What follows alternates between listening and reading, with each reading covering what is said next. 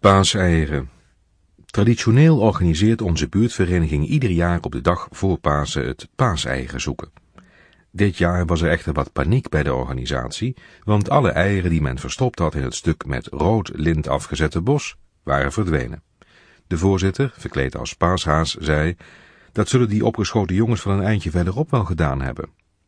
Terwijl omwonenden razendsnel thuis wat eieren gehaald en verstopt hadden, konden de aanwezige kinderen toch beginnen met de speurtocht. Even later kwam de echtgenote van de voorzitter en fluisterde hem wat in zijn oor, terwijl ze een van de hangende oren optilde. De droef kijkende paashaas werd eerst wat rood en vervolgens spierwit. Zij bleek in de tuin hun eigen hond gevonden te hebben die blaffend een stapeltje gekleurde en licht beschadigde eieren lag te bewaken. De voorzitter herinnerde zich dat hij de hond geleerd had spullen terug te vinden die hij verstopte.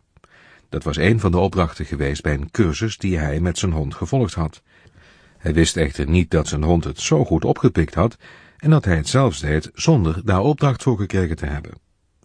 Aan die gebeurtenis dacht ik terug toen onze kinderen buiten voor de tiende keer de eieren verstopten en zelf ook weer terugvonden. Zelf deed ik me binnen te goed aan wat gevulde chocolade-exemplaren en hoorde hoe de paus ons weer bedankte voor die bloemen.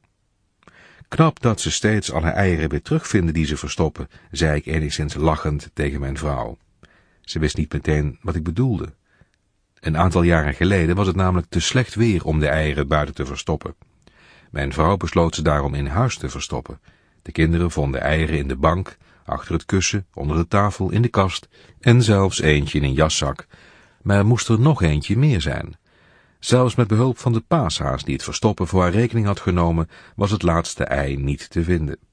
Enkele weken later, toen onze oudste dochter in de zandbak wilde gaan spelen en van moeder de laarzen aan moest doen, klonk er een korte gil. Met haar voetje vol eierdril en een platgetrapt verkleurd ei in de hand, kwam ze de keuken in. Dat is waar ook, zei mijn vrouw, ik had er eentje in je laars gedaan.